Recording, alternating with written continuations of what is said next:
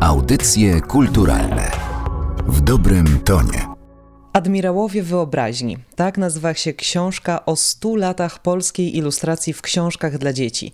Naszym gościem jest redaktor merytoryczna tego tomu, pani Anita Wincencjusz-Patyna. Dzień dobry. Dzień dobry, witam serdecznie. Zaprosili Państwo do współpracy przy tym tomie 11 autorów, którzy stworzyli 100 króciutkich artykułów dotyczących ilustracji książek dziecięcych aż od 1918 roku. Czuje Pani, że wyczerpali Państwo temat? Hmm, nie, no absolutnie nie faktycznie chyba największym trudem było takie myślenie, żeby była to książka atrakcyjna dla maksymalnie szerokiego grona odbiorców. A zatem oczywiste było, że nie będzie to opracowanie takie naukowe. naukowe. To znaczy, ono jest na pewno popularno-naukowe, bo nawet zawiera w sobie zestaw biogramów artystów, jest indeks, także wszystko jest bardzo porządnie przygotowane, ale chodziło też, żeby to była taka książka zapraszająca do oglądania, przeglądania, wertowania, wpatrywania się w nią właśnie i tych, którzy pamiętają te ilustracje ze swojego dzieciństwa i to jest co najmniej kilka pokoleń, ale też, żeby była ona atrakcyjna dla najmłodszych odbiorców, którzy od początku byli tymi podstawowymi adresatami, prawda? A wracając do pytania, czy wyczerpaliśmy, no wiadomo, że sama formuła taka zbliżona do leksykonu, układ haseł jest alfabetyczny, żeby w jakiś sposób można było sobie po niej nawigować, to ona też nie rościła sobie takich pretensji na żadnym etapie powstawania. Ten okres 100 lat był podyktowany i oczywiście do pewnego stopnia obchodami rocznicy odzyskania niepodległości, to stulecie celebrowane przecież na różne sposoby. To też przecież nie jest tak, że przed 1918 rokiem nie powstała żadna książka dla dzieci i żadne ilustracje do niej. Faktycznie nowa rzeczywistość, w jakiej Polska po 1918 roku się znalazła, pozwoliła na ożywioną działalność i aktywizację artystów także na polu ilustracji książkowej w ogóle, tej dla dzieci szczególnie. Zaraz sobie porozmawiamy o tych konkretnych nazwiskach, ale chciałabym powiedzieć, że nie byłoby książki o ilustracjach bez ilustracji. Dlatego znalazło się aż 900 prac, które właściwie dominują tę publikację, tę książkę. Tak, to też było od początku oczywiste, że książka o ilustracjach, z ilustracji powinna być zbudowana że tekst jest drugorzędny, chociaż mam nadzieję, ja i myślę, że wszyscy autorzy, którzy wzięli udział w powstaniu tej publikacji, że te teksty coś jeszcze dodatkowego wnoszą. Staraliśmy się bardzo, żeby były one po pierwsze przystępne, ale żeby jakąś dawkę wiedzy zawierały. Tam, gdzie pozwalał temat, pojawiły się też wątki humorystyczne. A zatem, tak na dobrą sprawę, ta ilustracja ma sama coś w taki, a nie inny sposób zestawiona opowiadać, coś pokazywać.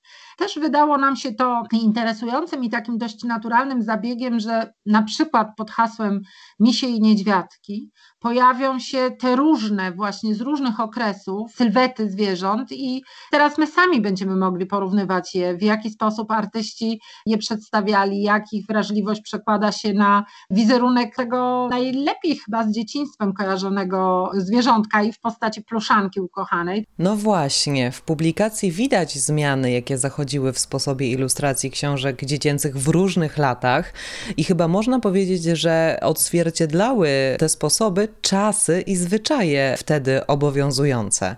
Chciałabym, żeby Pani opowiedziała, jak to było w poszczególnych okresach. Przed II wojną światową, potem w PRL-u, potem po 1989 roku. Tu okazuje się, że właśnie obszar ilustracji książkowej dziecięcej wcale nie ułatwia aż tak bardzo tej podróży stylistycznej, dlatego że w każdym z tych okresów, które Pani przed chwileczką zasugerowała, można by właściwie mówić o dużej różnorodności. Artyści wpisywali się albo w taki bardziej tradycyjny nurt, to zwłaszcza myślę o dwudziestoleciu międzywojennym i sięgali do tradycji jeszcze gdzieś z końca XIX, początku XX wieku, ale obok fantastycznie rozwijały się takie postardekowskie jakieś, czy właściwie artdekowskie propozycje Zofii Stryjeńskiej, a z początkiem lat 30. na arenie książki dla dzieci pojawili się Temersonowie. Zatem propozycje no, zgoła awangardowe i o takiej różnorodności można mówić właściwie w każdym z tych okresów, bo po II wojnie światowej też obserwujemy grupę artystów, którzy rozpoczynali swoje kariery jeszcze przed wojną i w pewnym sensie kontynuują swoje rozwiązania stylowe, swoje propozycje, na przykład Zofia Fijałkowska. Jest całe dzielne, młode pokolenie i to takich debiutów, które w wielu wypadkach przypadły wręcz na symboliczny rok 56, no i tu Bogdan Butenko chociażby, którzy od samego początku swojej kariery proponują coś absolutnie nowego, coś, co zresztą pozostaje do dzisiaj takim oczywistym punktem odniesienia. I właściwie ta taka wielogłosowość tej ilustracji książkowej stanowi o jej sile. Sytuacja po 1989 roku trochę się komplikuje, bo jest ta ostatnia dekada XX wieku, która wraz z transformacją polityczną, kulturową Polski jest takim okresem, prawdę powiedziawszy, też najsłabiej chyba badanym, bo jest to okres postrzegany przez rodzaj takiej trochę zapaści. Zachwystujemy się relatywnie tanimi propozycjami kolorowymi i błyszczącymi, które w rodzącym się kapitalistycznym rynku pojawiają się i u nas. I okazuje się, że nagle właściwie nie ma za bardzo zapotrzebowania na oryginalne projekty, na oryginalne prace i artyści, nawet jeśli chcieliby z nimi trafić do odbiorcy, no to jest to, jest to utrudnione, bo łatwiej jest skorzystać z tych tanich licencji. I dopiero na początku XXI wieku zaczynają działać małe wydawnictwa, zaczynają stawiać na oryginalne projekty, zapraszają coraz więcej młodych osób, ale też jakby średnie pokolenie zaczyna na nowo być aktywne w tej dziedzinie. No i tu znowu można powiedzieć, że ten wielogłos graficzny jest zauważalny, bo te propozycje są bardzo, bardzo różne. Od takich malarskich, które niekoniecznie są kojarzone z ilustracją książkową, po bardzo takie wyciszone, minimalistyczne, po te rozbuchane, prawda, kolorami z Pantona, ale, ale też wykorzystanie możliwości, jakie daje technika cyfrowa, jakie dają właśnie nowe narzędzia. Ale Państwo ułożyli książkę tak, żeby na przekór nie była chronologiczna. Czytamy ją hasłowo, od abstrakcji do zoo żeby było ciekawiej. Tak, zdecydowanie to był ten najważniejszy pomysł na początku, że to ma być 100 lat historii, ale to nie ma być układ y, właśnie chronologiczny, bo wtedy ta opowieść, ja absolutnie nie twierdzę, że ona byłaby nieciekawa, no ale myślę, że nie byłoby tej dynamiki, i nie byłoby tej przygody za każdym razem, przy okazji właściwie każdego z tych stu haseł. Pokusiłabym się nawet o stwierdzenie, że tę książkę można czytać dzięki temu układowi razem z dziećmi, choć tematycznie mogłaby być tak pozornie uznana za literaturę dla dorosłych, a wręcz nawet dla specjalistów, grafików czy rysowników, ilustratorów. No tak, no właściwie to jest ten szeroki krąg odbiorców, o którym powiedziałam na początku, że mamy nadzieję, że ona znajdzie swój podatny grunt właśnie i u najmłodszych, którzy będą po prostu zachwycać się księżniczkami, w tym haśle, pałacami, żołnierzykami, falami morskimi, aktorami w teatrach, lokomotywami, mnóstwem, mnóstwem jeszcze innych mniej czy bardziej bajkowych postaci. Z drugiej strony osoby, które na fali sentymentu będą po prostu nawet wręcz sprawdzały, które książki pamiętają, które były w ich księgozbiorach domowych, a które być może uda się jeszcze gdzieś wyciągnąć z wyższej półki. Wreszcie ci, którzy oddają się tej pasji i, i kompletują swoje księgozbiory i prowadzą blogi i zajmują się ilustracją w taki czy inny sposób.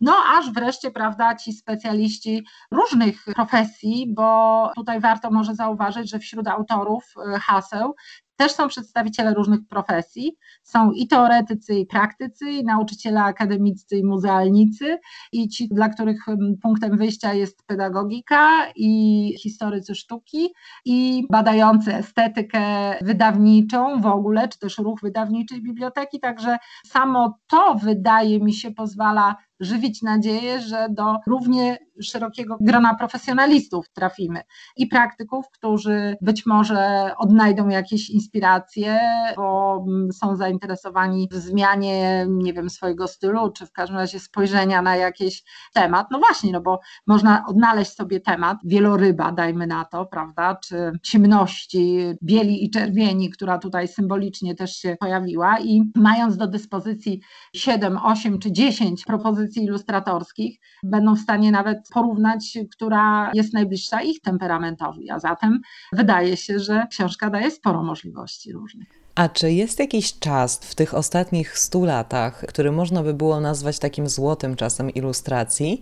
Najwięcej zaczęło się ich pojawiać po 1956 roku, ale czy właśnie ten czas nazwałaby Pani takim złotym? Ja tutaj właściwie mogę tylko powtórzyć, bo to określenie się pojawiało w krytyce już w latach pod koniec 60. czy w 70 posługujemy się czasem określeniem Polska Szkoła Ilustracji, który ukute zostało na podobieństwo Polskiej Szkoły Plakatu, Polskiej Szkoły Animacji czy Polskiej Szkoły Filmowej. I tutaj raczej nie mamy wątpliwości, że to zjawisko właśnie w dekadach lat 50., 60., 70.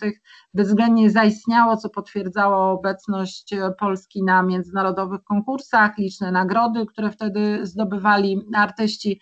No, dzięki silnemu mecenatowi państwowemu ówcześnie starano się także organizować bardzo dużo wystaw polskim artystom, ilustratorom w różnych ośrodkach, niekoniecznie tylko z obozu zaprzyjaźnionych państw.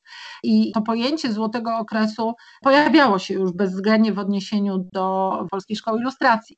Natomiast wydaje się, że dobra pasa polskich ilustratorów, która trwa w Bolonii, czyli w miejscu najważniejszych konfrontacji międzynarodowych książki światowej, a którą właściwie można odnotowywać od czasów antologii Tuwim Wiersze dla Dzieci, wydanej przez wytwórnię w 2008 roku. I jest to właściwie czas, bodaj w jednym roku tylko chyba, od 2011 licząc, nie zdobyliśmy żadnego wyróżnienia czy nagrody. No to też wydaje się, że jest to tak zwana obiektywna wskazówka, że znowu jesteśmy w tym złotym okresie. Nie jest w każdym razie źle, ale chciałabym jeszcze wrócić do, trochę do historii, a być może będą to osoby, które ciągle są z nami.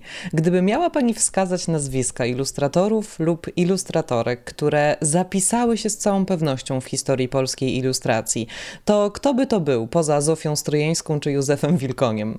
Może łatwiej byłoby tu faktycznie w takim ujęciu chronologicznym wskazać na pewno Franciszkę Temerson, czy w ogóle duet Temersonów jeszcze z okresu międzywojnia w tym okresie powojennym to bezwzględnie Bogdan Butenko, Janusz Stanny, Olga Siemaszko, Janusz Grabiański, Adam Kilian, Daniel Mróz, Andrzej Strumiło, Dzisław Witwicki, Bożena Truchanowska, Wiesław Majszak. Ja myślę, że mogłabym tak jeszcze długo wymieniać i bardzo trudno byłoby jednoznacznie wskazać. Znaczy myślę, że wybór, no właśnie, nie wymieniłam Jana Marcina Szancera, ale nasz wybór dwóch tylko nazwisk, które uznaliśmy, że dwóch, trzech, przepraszam, bo te Mersonowie jeszcze mają swoje hasło, pokazuje też może taki arbitralny wybór, ale na swój sposób uzasadniony. Szancer jest takim, można powiedzieć, nazwiskiem marką.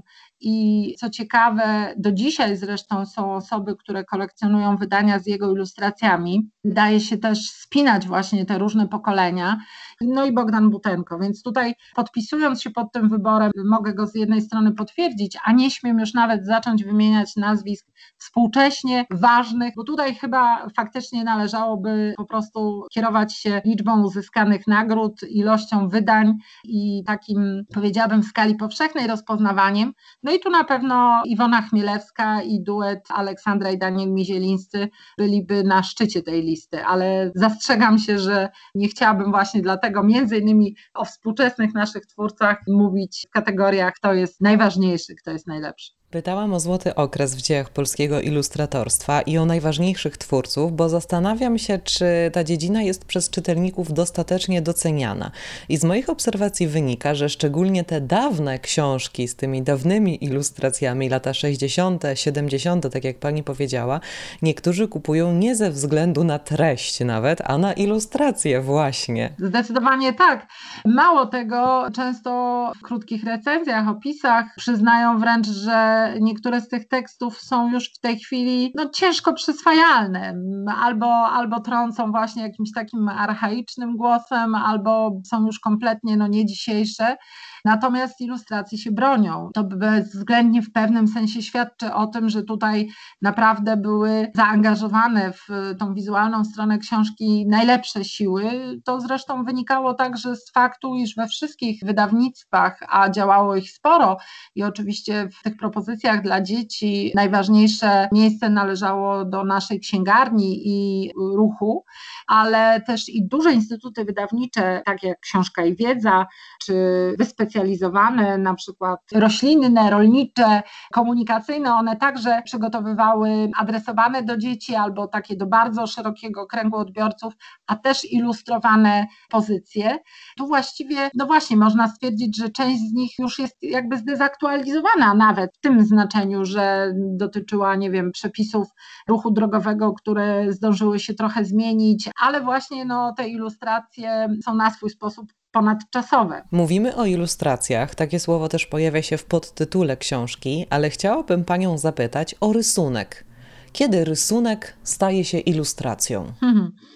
No, można by odpowiedzieć w bardzo prosty sposób, że wtedy, kiedy zostaje wciągnięty czy też uwzględniony w projekcie książki, prawda? Ilustracja ma w swoim charakterze interpretację wobec tekstu, tak, i można powiedzieć, że oczywiście czasami to wydawca umieszcza jakiś rysunek jako ilustrację do swojego tekstu. To jest zresztą praktyka, którą najczęściej stosuje się w stosunku do fotografii. W przypadku rysunku najczęściej dzieje się tak, że on na bazie tego tekstu powstaje. I od artysty zależy, czy będzie to próba przełożenia jakiejś sceny, jakiejś postaci, jakiegoś rekwizytu, który pojawił się w świecie przedstawionym literackim na język obrazu, a czasem jest to bardzo swobodna interpretacja, która niejednokrotnie odbiega dość mocno od tekstu. I to zresztą jest też ciekawa historia, jak właśnie okazuje się, że to dzieci są tymi najbardziej uważnymi czytelnikami, które później wytykają ilustratorom, to mówię w cudzysłowie, brak na przykład szóstej osoby, o której jest mowa w tekście, albo kolor szalika, że się nie zgadza, albo że bohaterka nie miała w ręku pęku owoców, tylko bukiet kwiatów i tak dalej, i tak dalej. Także oczywiście tutaj z tą taką przystawalnością obrazu do tekstu bywa bardzo, bardzo różnie i to też zależy w dużej mierze od temperamentu ilustratorów.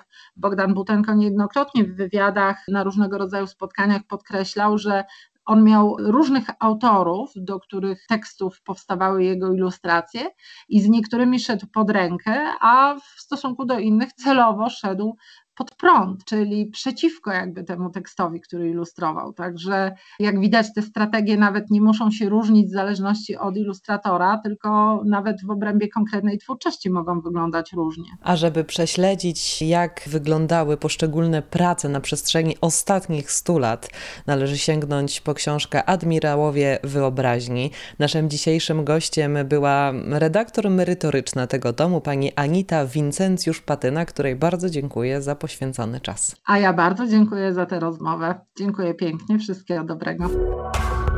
Audycje kulturalne w dobrym tonie.